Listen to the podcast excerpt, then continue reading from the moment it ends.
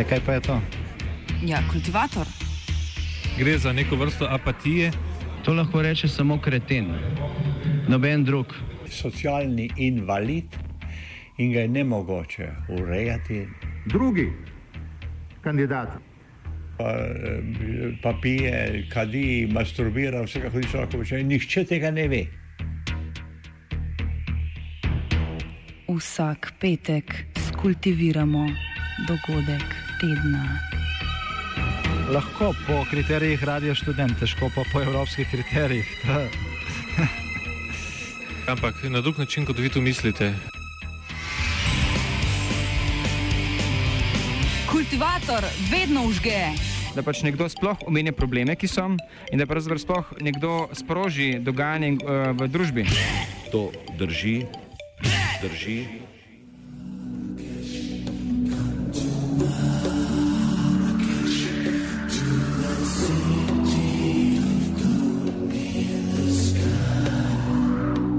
Marakeška histerija.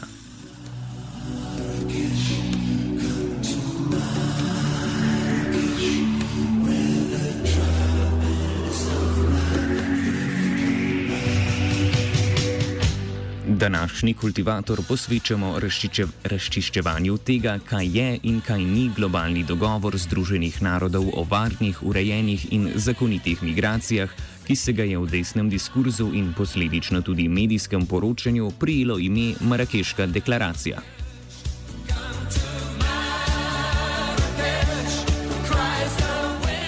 Če na kratko obnovimo.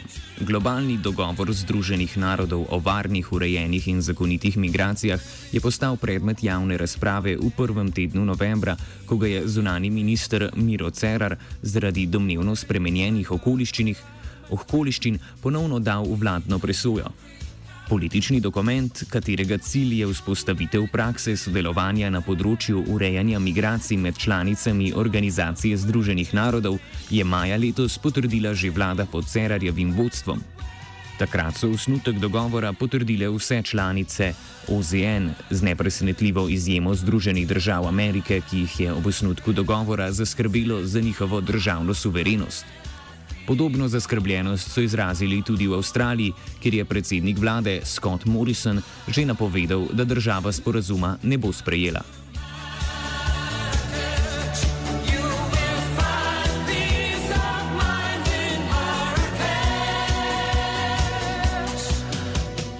Konec julija je od osnutka kot prva članica Evropske unije odstopila Mačarska.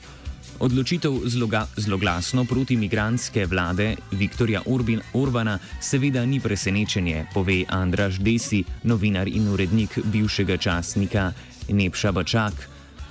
Migracije so za Mačarsko kot rdeča barva za bika, pravi. I think it's, it's not a surprise that, that Hungary was the first European Union member country which refused this, uh, this United Nations Accord because Hungary generally the Hungarian government is against migration. For Hungarian, for the Hungarian government, migration is like in a bullfight for a bull, a red color. If the Hungarian government uh, does see somewhere or read somewhere word migration, the answer, the, the instinctly answer is no. Oktobra se je enako odločila Avstrija. Sedaj pa o odstopu razmišljajo še druge evropske države, med njimi Poljska, Češka in Bolgarija. Estonska vlada je včeraj napovedala, da razmišlja, da bi o potrditvi globalnega dogovora Združenih narodov razpisala referendum. Oklevanja in nasprotovanja dogovoru o evropskih državah so dvome zbudile tudi v našem zunanjem ministru Miru Cerarju. Kombinacija predčasnih volitev in sumničavost vlade desnih evropskih držav do dogovora sta Cerarja spodbudili, da je dogovor dal v ponovno presojo ministerskemu zboru. Pri tem je neprestano ponavljal, da, bo, da so v Sloveniji razmere spremenjene, da stanje ni več enako, kot je bilo v času sprejemanja osnutka dogovora in da se je treba radikalno boriti za normalno stanje.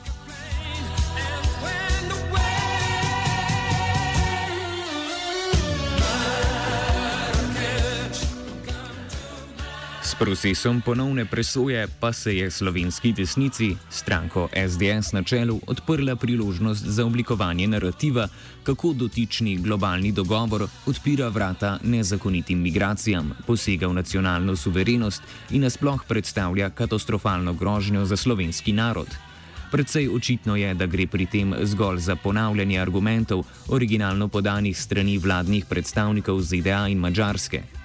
Potem, ko je prvak SDS Janez Janša napovedal uložitev pobude za posvetovalni referendum o podpisu dogovora, je njegov strankarski kolega Branko Grims na novinarski konferenci včeraj povedal, kako bi se po njihovem moralo glasiti referendumsko vprašanje. Vprašanje je lahko seveda stvar dogovora, nek predlog smo tukaj oblikovali. Glasi se, ste za to, da Slovenija pristopi k globalnemu dogovoru o varnih, urejenih, zakonitih migracijah, ki izenačuje legalne in ilegalne migracije, seveda izenačuje jih de facto, kaj ti govori vsaj štirih točkah, da imajo vsi enake pravice, enake bonitete, dostop do enakih storitev, ne glede na status tistega, ki je pač migrant, ali je to legalni ali ilegalni, v vsakem primeru ima potem vse enako. Enačenje legalnih in ilegalnih migrantov je v argumentaciji desnih evropskih vlad največkrat omenjeno kot domnevna grožnja, ki jo dogovor predstavlja, takoj za njo pa sledi domnevno poseganje v nacionalno suverenost podpisnic. V samem dogovoru je sicer o vprašanju nacionalne suverenosti in ločevanju med zakonitimi in nezakonitimi migranti zapisano takole: citiramo. Drža. Države lahko v skladu s svojim suverenim pravnim redom in ob upoštevanju mednarodnega prava razlikujejo med statusom zakonitega in nezakonitega migranta, tudi pri sprejemanju zakonodajnih in političnih ukrepov za izvajanje globalnega dogovora, pri čemer upoštevajo različne nacionalne razmere, politike, prednostne naloge in zahteve za vstop, bivanje in delo v svoji državi. Konec citata.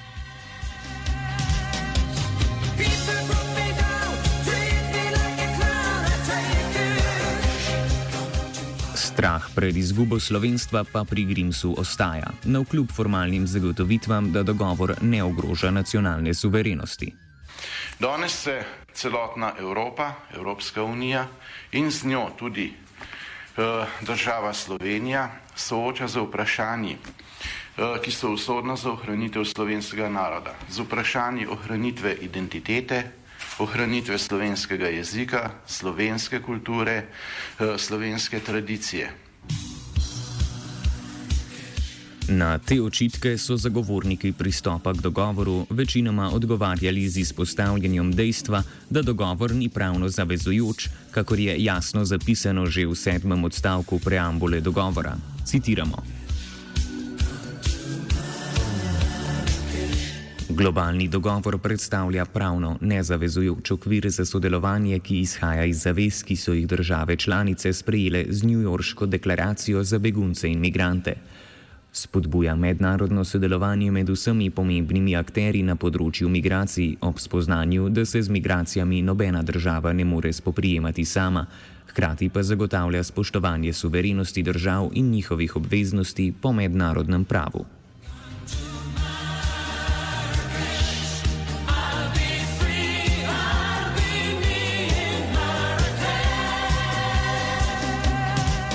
Vasilka Sancin, predstojnica katedre za mednarodno pravo na Pravni fakulteti v Ljubljani, povzame proces nastajanja globalnega dogovora in njegove zaveze oziroma nezaveze. Glede samega globalnega dogovora je gre za dokument, ki je nastal v okviru Organizacije Združenih narodov in so pri njegovem snovanju sodelovali vse države članice UZN. Ta pogajanja so trajala leto in pol in pod predpostavko, da ne bo šlo za pravno zavezujoč dokument, temveč ne zgolj za političen akt. To je bila predpostavka, iz katere so v bistvu države sploh pristopile k tem pogajanjem, ki so rezultirala v globalnem dogovoru, besedilo, kot ga imamo zdaj danes na mizi in bo predložen ne, državam v sprejem v Marakešu. Kot povdari tudi Sancin, je eden od faktorjev širjenja dezinformacij o dogovoru že samo poimenovanje, ki se ga je prijelo. Čeprav bo dogovor podpisan 10. decembra v Marakešu, je Marakeška deklaracija uradno ime nekega drugega političnega dokumenta, ki je bil podpisan med članicami Evropske unije in državami Severne, Centralne in Zahodne Afrike v okviru rabatskega procesa o migracijah in razvoju. Prevod napačnega dokumenta je na svoji spletni strani objavil tudi tednik Mladina. In v zvezi z imenom se mi zdi, da treba podariti, da ne gre zamenjevati globalnega dogovora o migracijah z Marakeško deklaracijo, ki je pa seveda spet političen, ne zavezujoč akt, ki je išel iz enega procesa, ki ga vodijo afriške države in Evropska unija v okviru tako imenovanega ne, rabatskega kroga dogovorov in se seveda nanaša na sodelovanje zgolj med afriškimi državami in Evropsko unijo. Gre za vsebinsko bistveno oži dokument.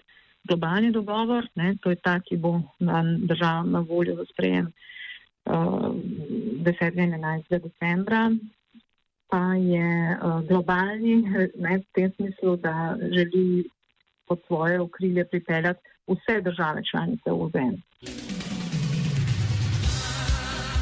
Glede na to, da dogovor že v osnovi sloni na obstoječih in veljavnih pravnih določilih, gre odstope držav od njega razumeti predvsem kot posledico notranje političnih delitev ter njihove nepripravljenosti na sodelovanje z drugimi državami, ko pride do vprašanja migracij. Vidimo, da nekatere države članice, kljub temu, da ne ustvarja novih pravnih obveznosti in izhaja iz že veljavnih obveznosti držav po mednarodnem pravu človekovih pravic, begunskem pravu, mednarodnem pravu, niso pripravljene se niti politično, ne očitno tej, na tej uh, točki zavezati k temu, da bodo sodelovali z drugimi državami pri naslavljanju migracij. Namreč migracije tudi po tem dogovoru ustajajo v suverenosti držav, ne, glede njihovega urejanja na svojem ozemlju. Kot razloži Sancin, besedilo dogovora nikjer ne izenačuje zakonitih in nezakonitih migrantov, temveč se zgolj opira na neodtuljive pravice posameznika, definirane v splošni deklaraciji o človekovih pravicah. Ker pa v tem primeru ne gre za mrtve domobrance ali krvoločne komunistične režime, je desnica na ta dokument priročno pozabila. Ja, jaz mislim, da gre v bistvu v velikih primerjih ne, za zavajanje javnosti in v bistvu spostavljanje neke nepotrebne panike in strahu, ker, kot rečeno, ne, kar globalni dogovor povdarja, je, da ima vsako človeško bitje, ne glede na status, ne, a je to državljan, a je begunec ali imigrant ali v kakršnem koli statusu brez državljanstva, osnovne človekove pravice, ki jih je treba priznati vsem in to ničemer ne izenačuje ali pa bi rekel, ne, ne daje nobenih dodatnih pravic, ne zakonitim, ker vsak človek, vsako živo bitje ima osnovne in temeljne človekove pravice, ki so neustojljive. Ne, in tu mislim, da prihaja do tega nerazumevanja, da, prav, da nekateri ne trdijo, da bo zdaj globalni dogovor izenačeval in dajal neko dodatno zaščito nezakonitim imigrantom. To ne drži. Ta obveznost za države izhaja že iz veljavnega mednarodnega prava človekovih pravic, ki vse te države zavezuje, vključno Slovenijo. Tako da mislim, da tukaj gre predvsem morda za mm, premalo natančno branje oziroma nerazumevanje že obstoječih obveznosti držav in nažalost vidimo v praksi, ne, da jih to še ne izpolnjujejo. Tako da tu je večji problem. Kot smo do te točke že ponazorili, je dogovor prej pobožna želja kot pa avtoritativen poseg v državno politiko. Predstavlja le začetek zauzemanja mednarodne skupnosti za skupno urejanje migracij in šele določa neke simbolične cilje, medtem ko konkretnih posegov v mednarodno pravo sploh še ne predvideva. Že iz besedila dogovora je razvidno, da ostaja predvsem na simbolni ravni. Citiramo. S tem skupnim namenom se odločamo za ta zgodovinski korak, saj se zavedamo, da je globalni dogovor o varnih, urejenih in zakonitih migracijah pomemben mejnik, vendar se z njim naša prizadevanja ne končajo. Zavezujemo se k nadaljevanju večstranskega dialoga v okviru Organizacije Združenih narodov z rednim in učinkovitim mehanizmom za spremljanje in pregled, s čimer bomo zagotovili, da se besedilo dogovora udejani skozi konkretne ukrepe v korist milijonov ljudi povsod po svetu.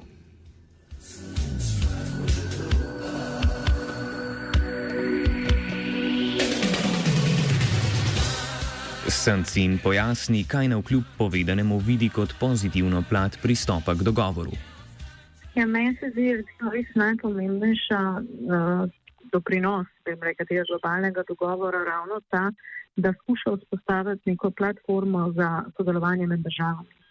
Namreč ne, tudi kar se tiče uh, konvencije o statusu beguncev iz 51 in potem, ko je bila dopolnjena s protokolom 67 v njej ni pravne obveznosti držav, da sodelujejo oziroma ne, da tudi delijo breme begunske problematike, ki jo ne gre enačiti z migracijami. Ne. Begunci so samo ena od podkategorij migrantov.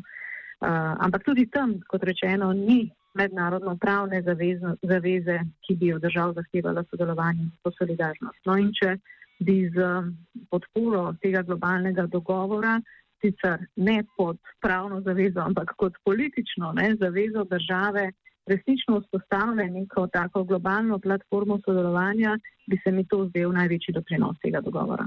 Vse ostalo so detajli, ne, ki, kot rečeno, jih lahko države tudi posem samostrojno urejajo znotraj v okviru ne, svojih suverenih politik. To pa se mi zdi, da bi bilo ključno, kar se tiče ne, tega dodane vrednosti na mednarodni ravni. Če se zavedamo, da na mednarodni ravni ne obstajajo mehanizmi, s katerimi bi se zagotavljalo spoštovanje državnih zavez in političnih deklaracij, hitro ugotovimo, kako močan interes mora obstajati med državami pristopnicami, da smernice takšnega dokumenta udejanjajo v praksi. Kot zaključi Sancin, pa ta interes nikoli ne bo osnovan na humanitarizmu.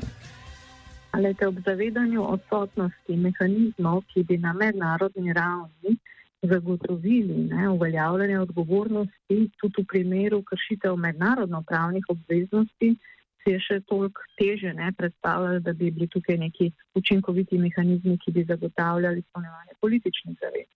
Vendar pa le jaz mislim, da se večina držav na svetu danes zaveda, da lahko le skupaj ustrezno naslavljajo to problematiko in bojo iz vlastnega interesa in potrebe, da v sodelovanju z drugimi ne, to začnejo naslavljati skupaj, prepoznali nujo, da to, tudi čeprav gre za politično neko zavezo, ne, v čim večji meri izpolnjujejo v praksi.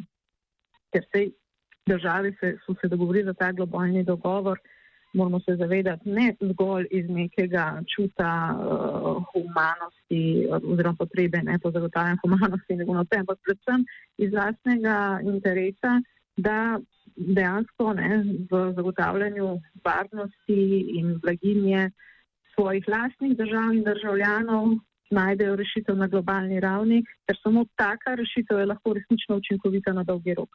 Vse ostale, ostale ad hoc rešitve so zelo kratkotrajne in kratkoglede in tudi tem državam ne prinašajo ne, uh, koristi na dolgi rok. Tako da to je treba upoštevati, ne, ko gledamo, kakšne dokumente države sprejemajo na mednarodni ravni. Če se, se potem bojiš, Branko?